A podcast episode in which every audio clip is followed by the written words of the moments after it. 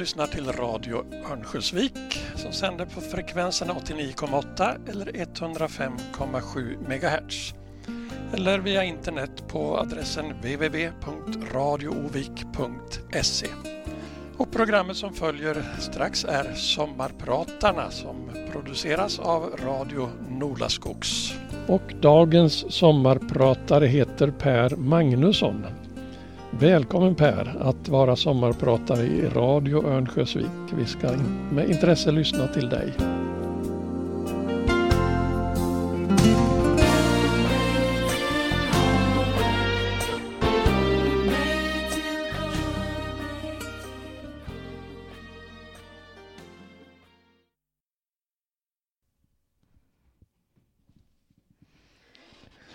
Hej, jag heter Per Magnusson. Natten mellan förra lördagen och söndagen, alltså jämfört med inspelningsdagen då, satte jag väckning på klockan 03.00 mitt i natten. Jag tog på mig tävlingsskorna och övrig utrustning, klev ut ur klubbens hyrda militärtält och begav mig till växlingsplatsen. Vi befann oss i Pemar utanför Åbo för att springa världens största orienteringsbudkavle. OK Nolaskogsarnas främste elitlöpare skulle växla till mig och jag skulle göra min insats för laget efter bästa förmåga. Jag behövdes nämligen återigen i klubblaget på grund av återbud. Något senare, efter en timmes färd i gryningen över finska myrar och berg, inte helt utan möda, var det fullbordat. Och jag hade faktiskt njutit mest hela tiden. Om den sortens njutning och om vägen fram till just det där tältet ska jag prata om. Jag har orienterat i 41 länder och några glimtar därifrån kommer att dyka upp. Men det blir inte bara om skogssport. Yrkesmässigt har jag jobbat med datorsystem för massa pappersindustri. Därifrån kommer jag att hämta några utlandsbetraktelser. Men nu först en annan sorts ringsignal än den jag hade i militärtältet.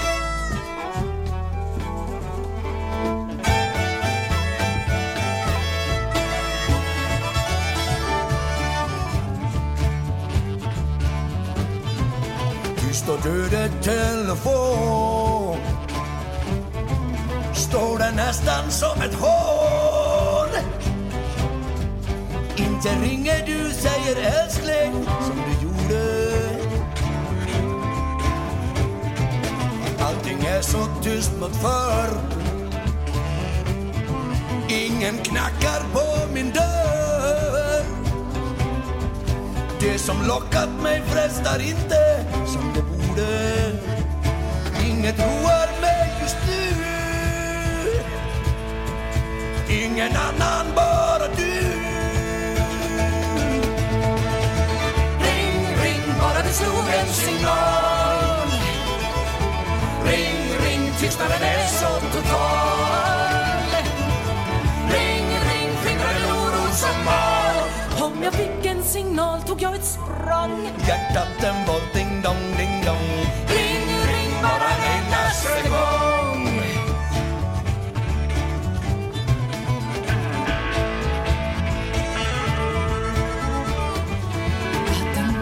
En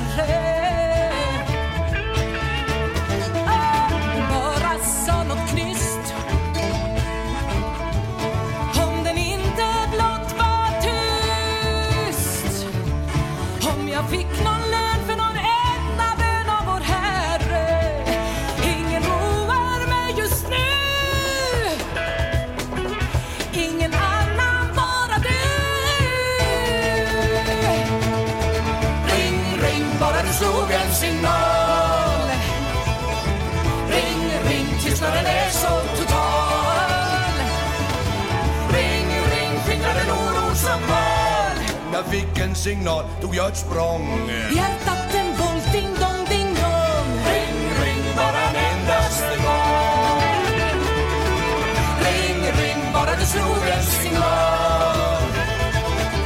Ring, ring tystnaden är så total Ring, ring skingrar en oro som mal Om jag fick en signal tog jag ett språng. Hjärtat en volt,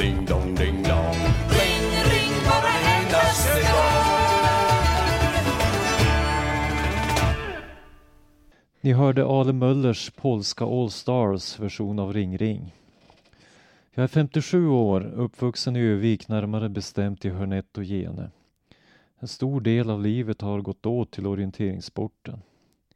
För att få ihop sammanhanget med händelser som kommer senare i programmet så vill jag börja med min klubb och mitt tidiga orienterande som började vid 11 års ålder. Starten var en nybörjarkurs i OK Nolaskogsarna. Pappa var aktiv så det fanns en form av ärftlig belastning. Ganska snart så blev jag fascinerad. Det var en blandning av alltihopa, att hitta kontrollen, titta på kartor, tävla. Hokonodla Skogsarna har hela tiden varit klubbnamnet.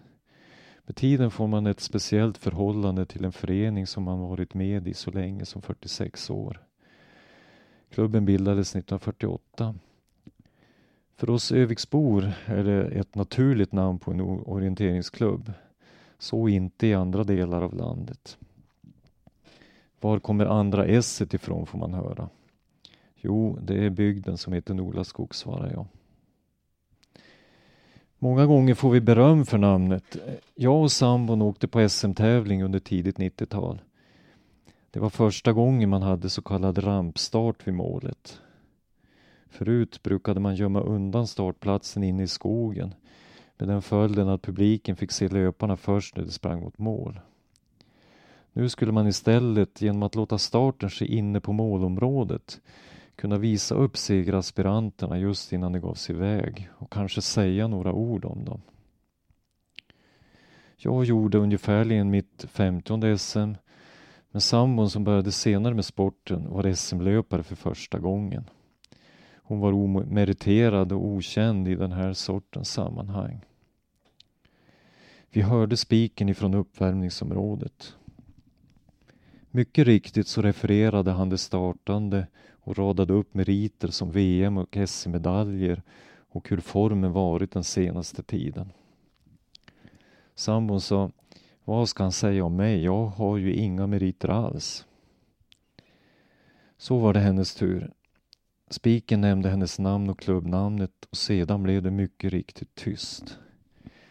Man kände hur han funderade. Vad ska jag säga om denna obekanta kvinna? Så kom det. OK Nolaskogsarna. Det är väl ett vackert klubbnamn. Ni undrar hur jag och sambon träffades? Hon som kunnat stå ut med mig i så många år. Ja, det var på en orientering. Klubben hade en träningstävling och plötsligt så såg jag bara henne stå där. One, two, three,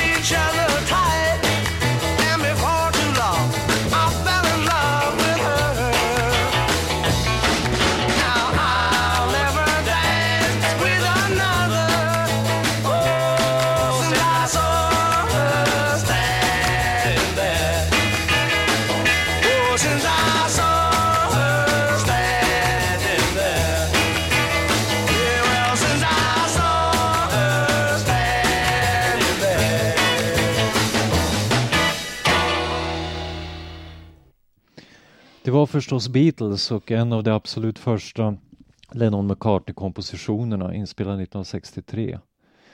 Det sägs att John Lennon fick Paul McCartney att ändra en rad i texten till She was just 17 you know what I mean. Vilket enligt John var bra eftersom han helt enkelt inte förstod vad som menades. Början på orienterandet var det.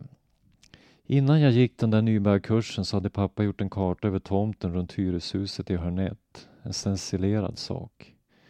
Naturligtvis rätt ovanligt för den tiden. Det blev en leksak för oss alla barn i huset. När vi lärt oss kartan allt för bra för att det skulle fortsätta att vara en utmaning så la vi till en dimension. Då menar jag dimension i bokstavlig mening, nämligen höjdled. Kontrollen som utmärktes med en liten målad träpinne. Var den var placerad i höjdled fick man gissa sig till. Till exempel kunde hörnet på huset vara i källaren, på första eller andra våningen eller vinden. Det verkar som om fascinationen för kartor fanns inom mig tidigt. När vi flyttade till Gene började jag som 11-åring kartlägga vattentornsområdet och det på fri hand. Så gällde det bara att hitta någon som ville orientera på kartan. Och det blev i början pappa det. Tids nog fick jag orienterande kompisar på samma gata och tillsammans började vi tävla. En teknisk detalj från mina första orienteringsår vill jag nämna. Passa kartan är numera ett viktigt begrepp när man lär ut kartläsning till de yngre. Då menas att kartan hela tiden ska vridas allt eftersom man själv byter riktning. Kartnorr mot verklighetens norr. Ungefär som när man vrider en bilkarta så att den ligger rätt orienterad. Byar och vägar till vänster på kartan kommer också till vänster i verkligheten. Det blir helt enkelt lättare att orientera. Så gjorde aldrig jag. Jag höll kartan hårt i norr-söder, här vreds ingenting. Det gick hur bra som helst tyckte jag, även om jag allt som oftast eh, så att säga fick läsa upp och ner. Jag höll på i två år innan en ledare upptäckte det hela. Han tipsade om att passa kartan. Ja, onödigt tyckte jag, för jag trodde stenhårt på min egen metod. Men så småningom fick auktoriteten rätt. Vad hade hänt om jag fortsatt med min tro? Tron som gör det omöjliga möjligt.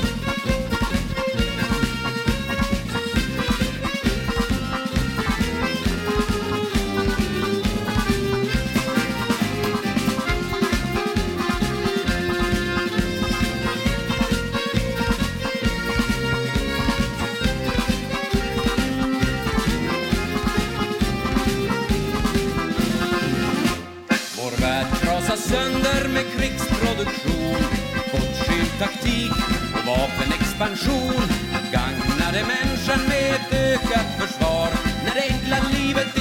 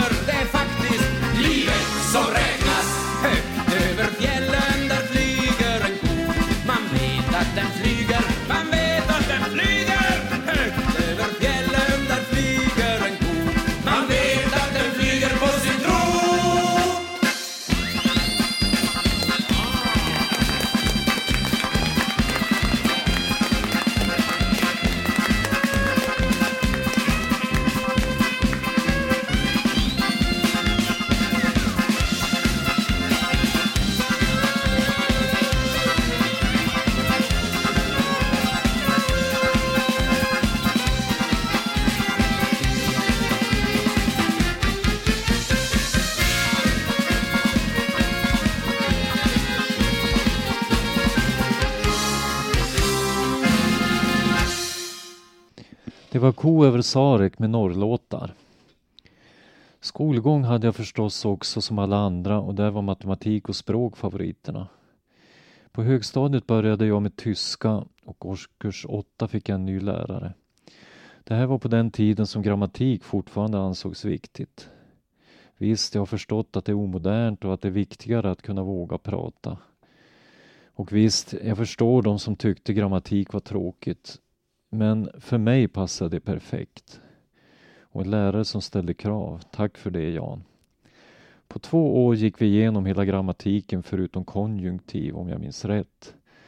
Jag kunde sedan så att säga leva på detta genom gymnasiet men också med följden att jag blev lat för nu var det lärare som hade lägre krav. Så någon stjärna i tyska blev jag inte och konjunktiv är fortfarande svårt men kunskaperna från klass 8-9 när man hade en engagerad lärare och var i en receptiv ålder, ja, de kunskaperna sitter där. Min reflektion är hur viktig den här kombinationen av intresse och krav var i den åldern. Åtminstone för mig var det en guldålder i den aspekten. Så småningom tog matematiken över och studierna fortsatte på KTH i Stockholm. Här fick jag tillfälle att se skönheten i matematiken samtidigt som min orienteringsnerv fick nya impulser med Södertörns knallar. Nu undrar ni om matematik kan vara vackert? Jo, absolut om jag får svara. I ett visst läge när man får förklaringarna till det som i skolmatten bara tas för givet och dubbel och trippelintegraler får formler och siffror att dansa ihop. Fast jag ska erkänna att jag inte hade förmåga eller ork att ta mig upp på några högre matematiknivåer heller. Ungefär som att jag var nöjd när sifferformeldansen var klar. Jag började jobba med processstyrning inom massa och pappersindustri. Jobbet tog mig till andra länder och eh, snart ska vi hamna i Afrika. Men först sång på ett språk som vi sällan hör sjungas här i landet.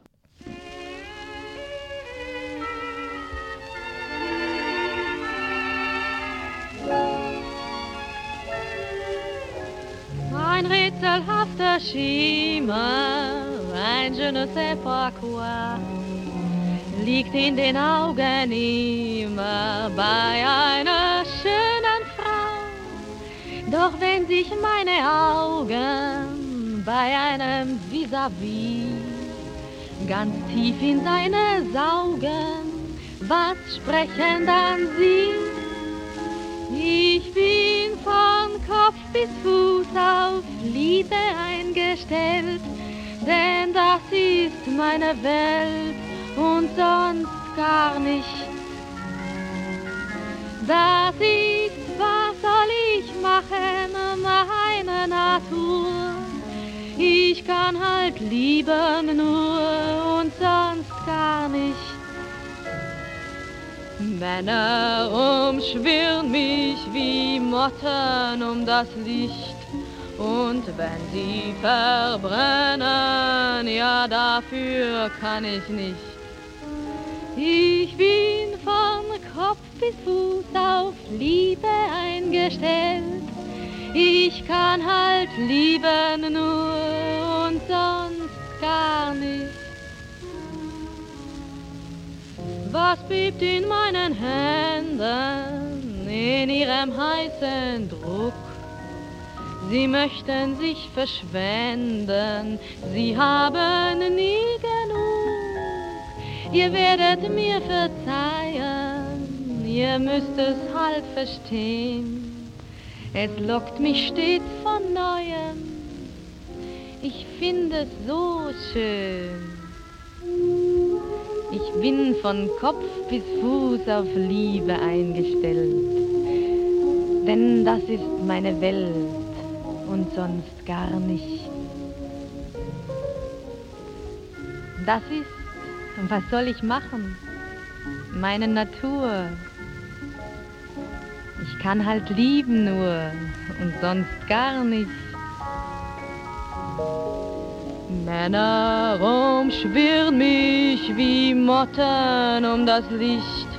Und wenn sie verbrennen, ja dafür kann ich nicht. Ich bin von Kopf bis Fuß auf Liebe eingestellt. Ich kann halt lieben nur und sonst gar nicht.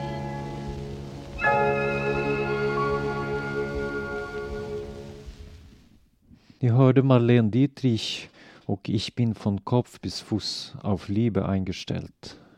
Första gången framförd av henne i filmen Blå ängeln 1930. En av mina första insatser i arbetslivet blev att vara man på plats på en fabrik i Marocko. Det handlade om kokarstyrning. Tre månader på egen hand och utan hemresa.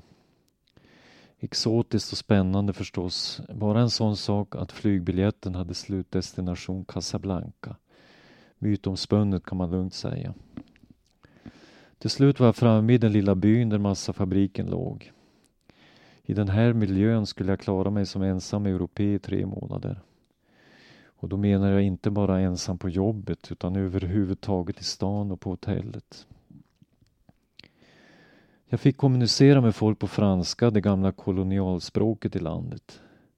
Alla ingenjörer kunde franska och många andra kunde svara om man tilltalade dem.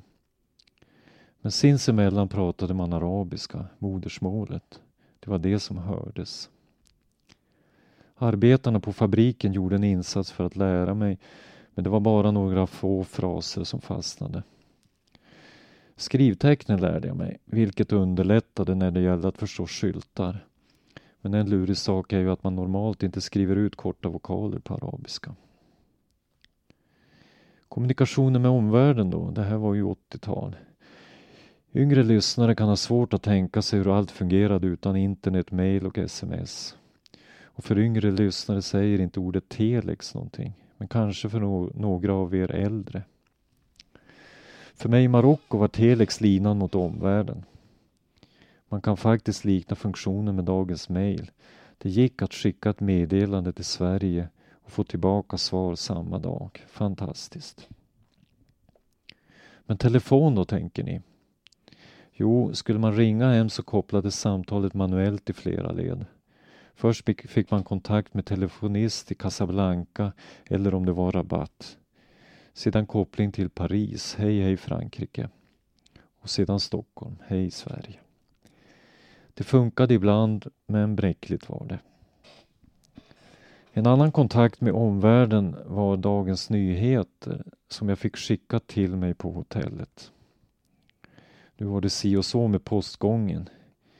Ibland kom tre, fyra tidningar i stöten.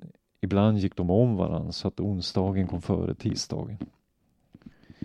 Det var spännande att läsa om OS i Sarajevo men viktigt att först sortera tidningarna i tidsordning. Man ville ju börja med att läsa om hur Gunde Svan tänkte innan loppet och därefter få veta hur det gick, inte det omvända.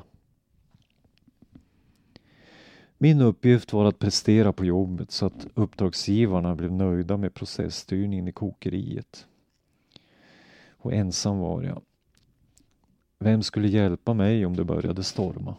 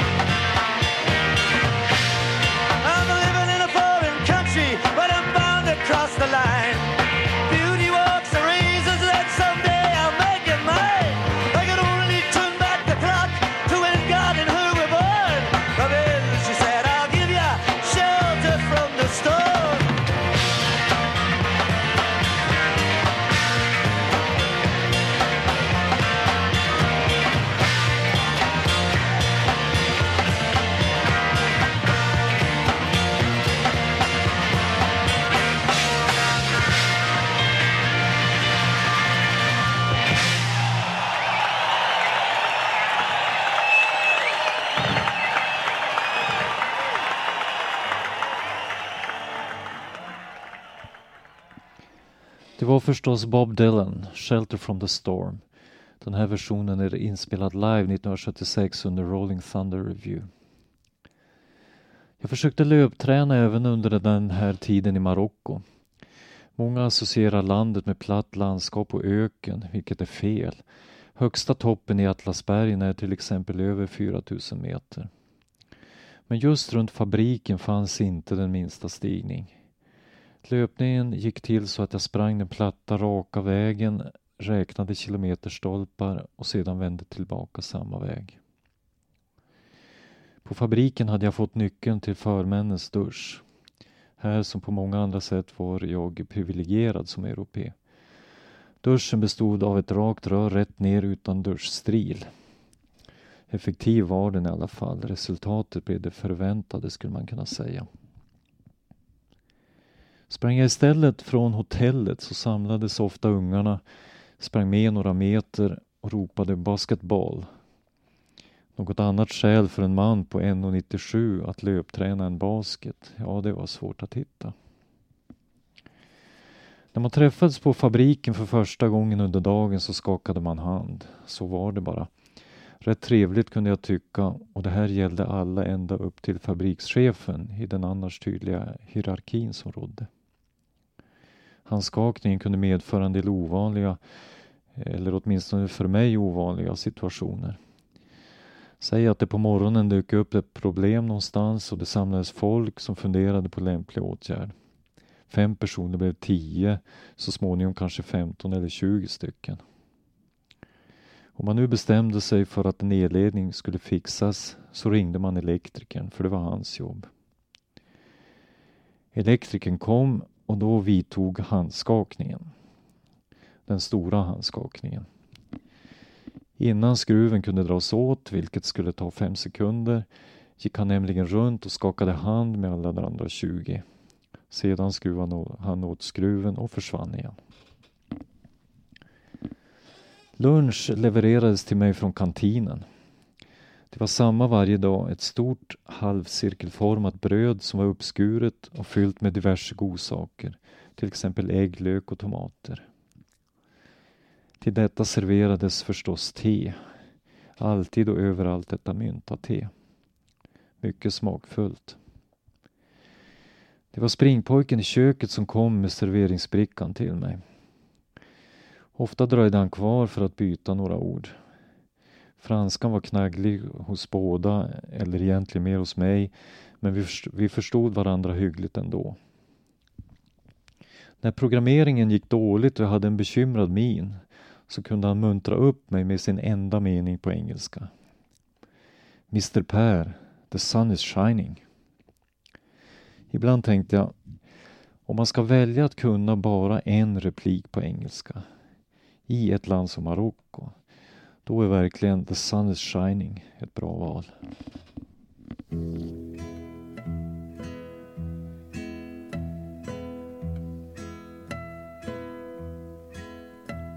Veronica, Veronica Var är din blåa hatt? Din älskling letar efter den alltid den mörka natt din älskling är försvunnen. Han kommer ej igen när det dagas.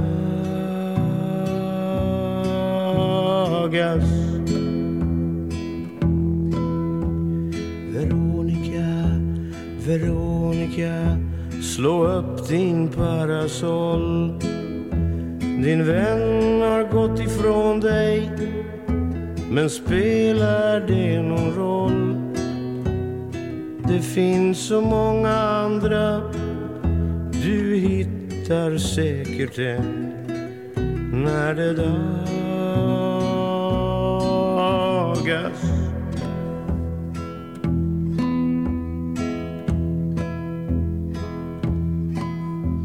Veronica, Veronica ditt ena strumpeband har stulits utav någon som saknar dig ibland. På natten är han borta Men minns du honom än när det dagas?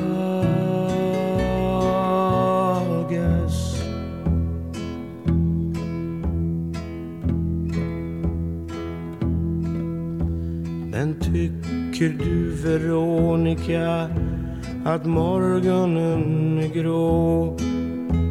Och ångrar att du någonsin lät honom gå?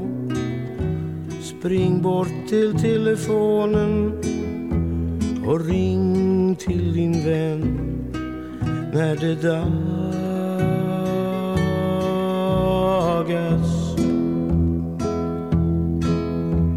Veronica, Veronica Släpp ner ditt långa hår.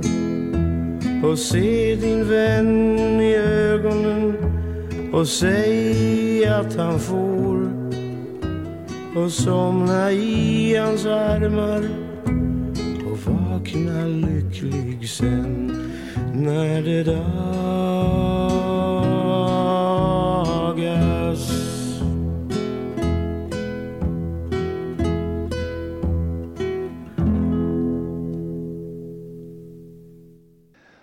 vackra låten Veronica med Cornelis Vreeswijk. I början nämnde jag att jag har orienterat i många länder. I Europa har jag varit nästan överallt. Jag har några öar, kvar att åka till. Island, Irland och Malta. Förutom dessa öar så återstår också Albanien.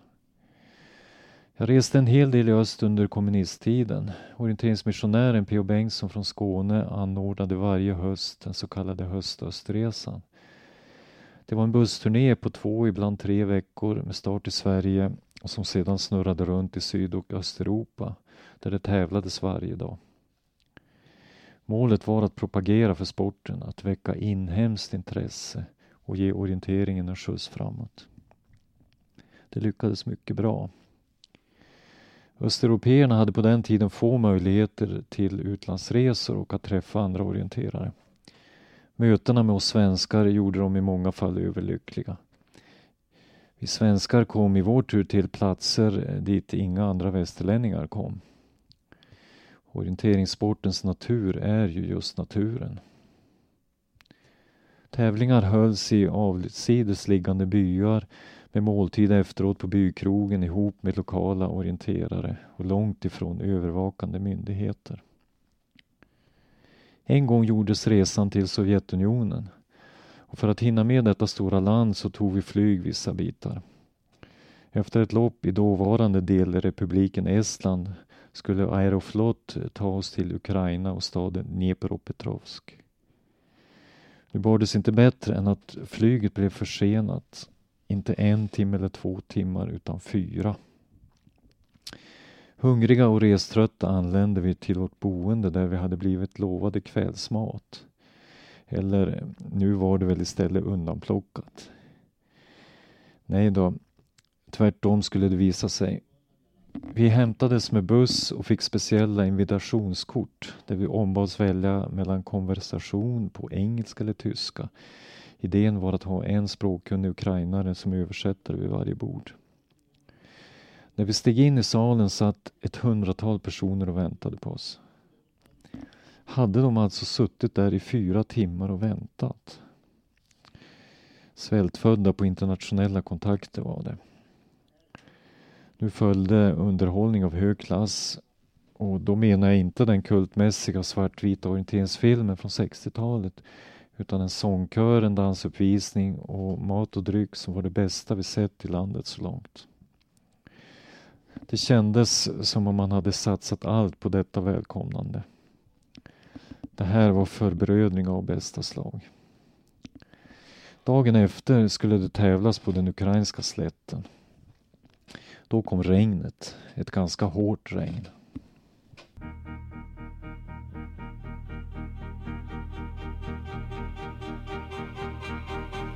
Oh, where have you been, my blue-eyed son? Where have you been, my darling young one? I've stumbled on the side of twelve misty mountains. Walked and I crawled on six crooked highways.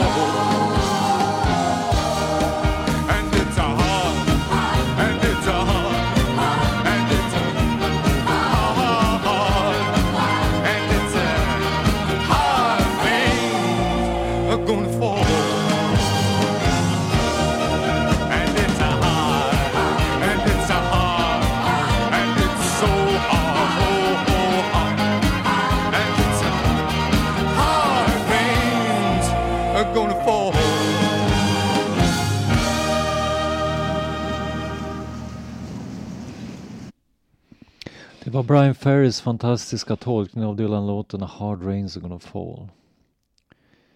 Nyss var vi i Sovjetunionen.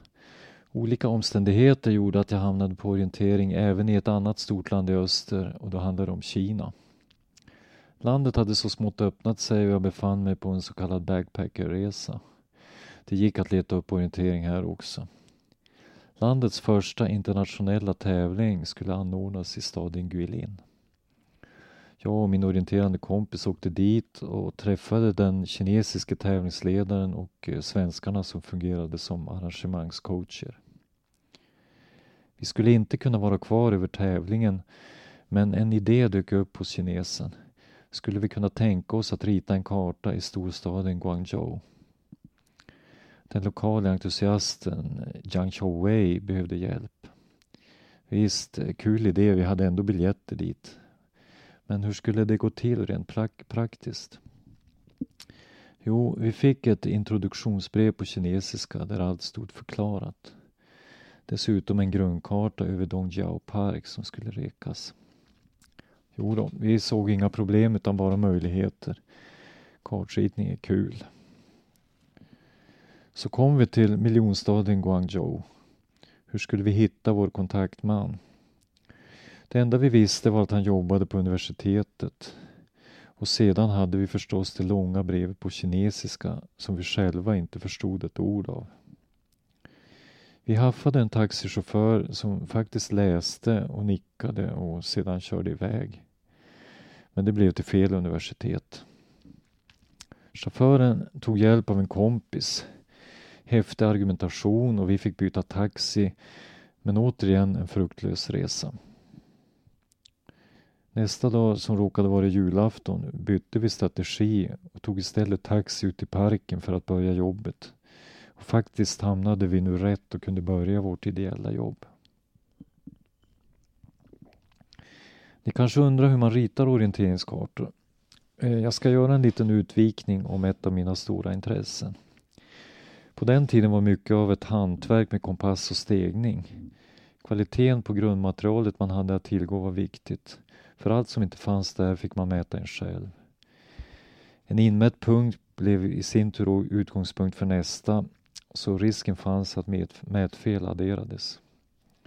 Numera är hanteringen enklare där precisionen blir hjälpt av GPS och grundkartorna är bättre med nyare teknik. Jag får ofta frågan om man går överallt i hela skogen och det gör man faktiskt. I princip varje kvadratmeter. För till exempel kan en stor sten gömma sig under en gran och upptäckas först på nära håll. Och sådana finns aldrig på grundmaterialen som baseras på flygfoton. Det är förstås på många sätt ett slitsamt jobb. Allt bara för att vi orienterare kräver noggranna kartor för att få en rättvis sport. Alla saker som ska med på kartan läggs in på rätt plats. Men just bedömningen vad som ska tas med och inte tas med och hur det ska återges är det intressanta. En karta blir inte nödvändigtvis bättre bara för att fler detaljer finns med eftersom den också ska vara läsbar i förhållande till skalan. Hela processen har ett stort mått av skapande i sig och varje kartritare sätter sin personliga prägel på alstret. Inte minst gäller det höjdkurvorna där man får omforma och frångå den teoretiska femmetersnivån för att fånga alla formationer på det sätt som ögat uppfattar dem.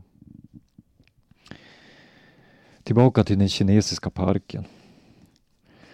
Lunch gick att få på en restaurang intill parken. För att få mat använde vi oss av vår standardmetod som var teckenspråk för det funkade bäst. Man följde med ut i köket och genom att skratta och peka ut den mat man ville ha fick man skratt och nickande bifall tillbaka. Och även rätt mat. På kvällen lyckades vår hotellreceptionist få tag på Jiang Xiaowei via telefon. Han dök upp eh, mycket glad över utsikten att få en ny karta och utnämnde oss på stående fot till nummer fem och nummer sex. Vad var nu detta för siffror? Jo, det var de orienterande europeer han mött som han numrerade på detta vis. Tre dagar jobbade vi med kartan. Sista dagen hade jag en liten kulle kvar att kartlägga och fick då en överraskning. Dagen innan när jag hade passerat så var det folktomt men nu var det någon form av allmän picknick på kullen. Ett snabbt överslag sa mig att det var cirka tusen personer på kullen. Och här skulle jag behöva stega mig fram. Nåja, det gick bra. Man hade uppenbarligen överseende med personer som uppförde sig lite underligt. På allra sista vägen ut ur parken stötte jag på skolbarn som orienterade på det som var min dåliga grundkarta. Nog skulle vår nya karta göra nytta.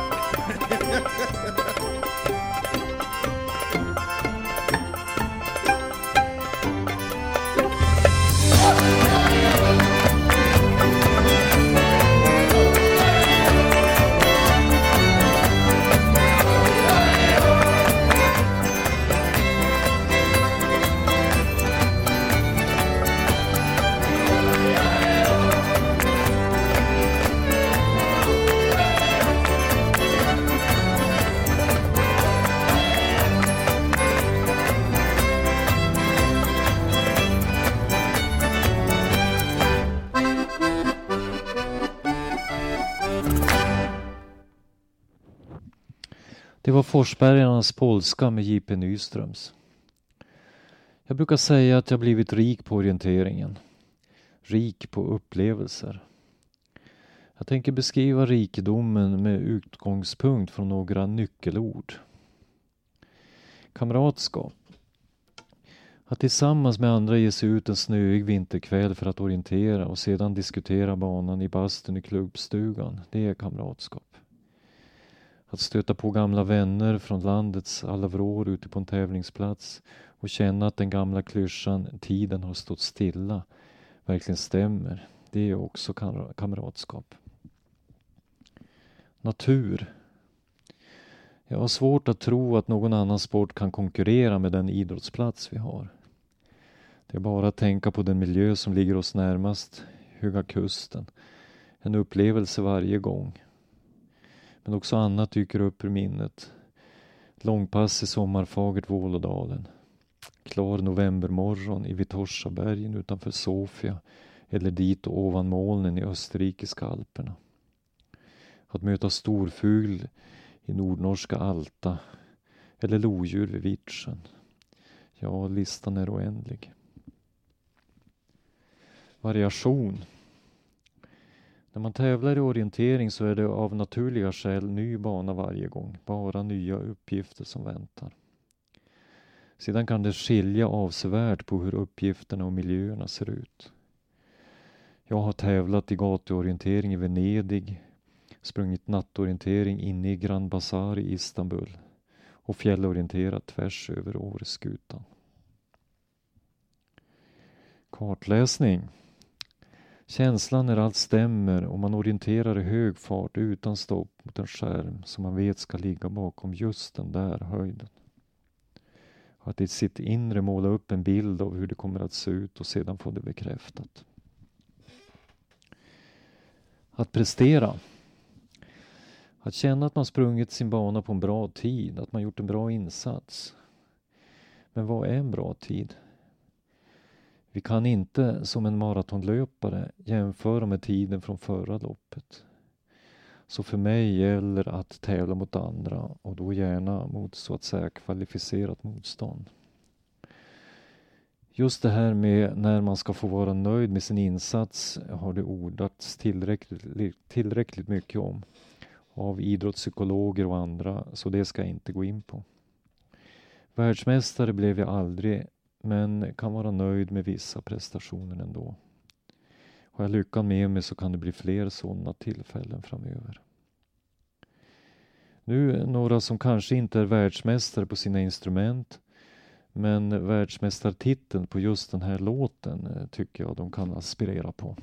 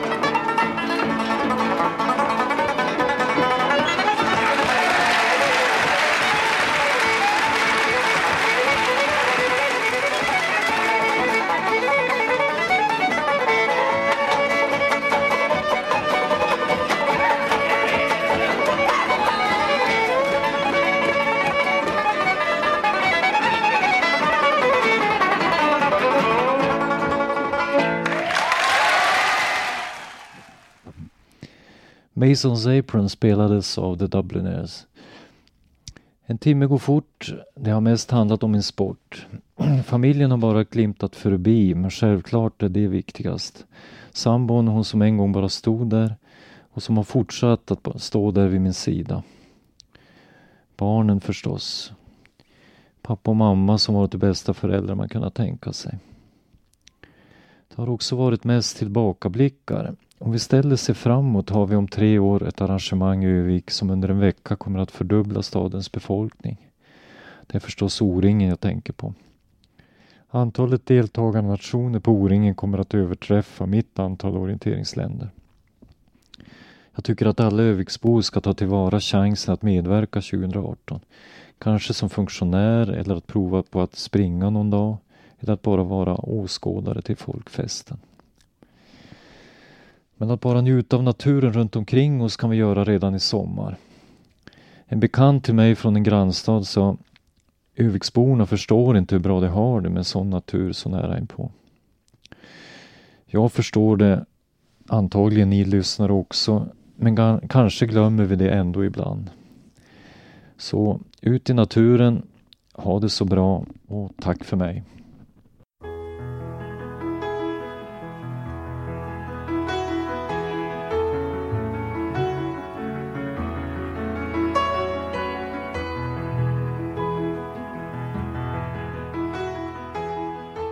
Du har lyssnat till programmet Sommarpratarna som sänds i Radio Örnsköldsvik 89,8 eller 105,7 MHz eller via internet på www.radioovik.se. Och programmet produceras av Radio Nolaskogs.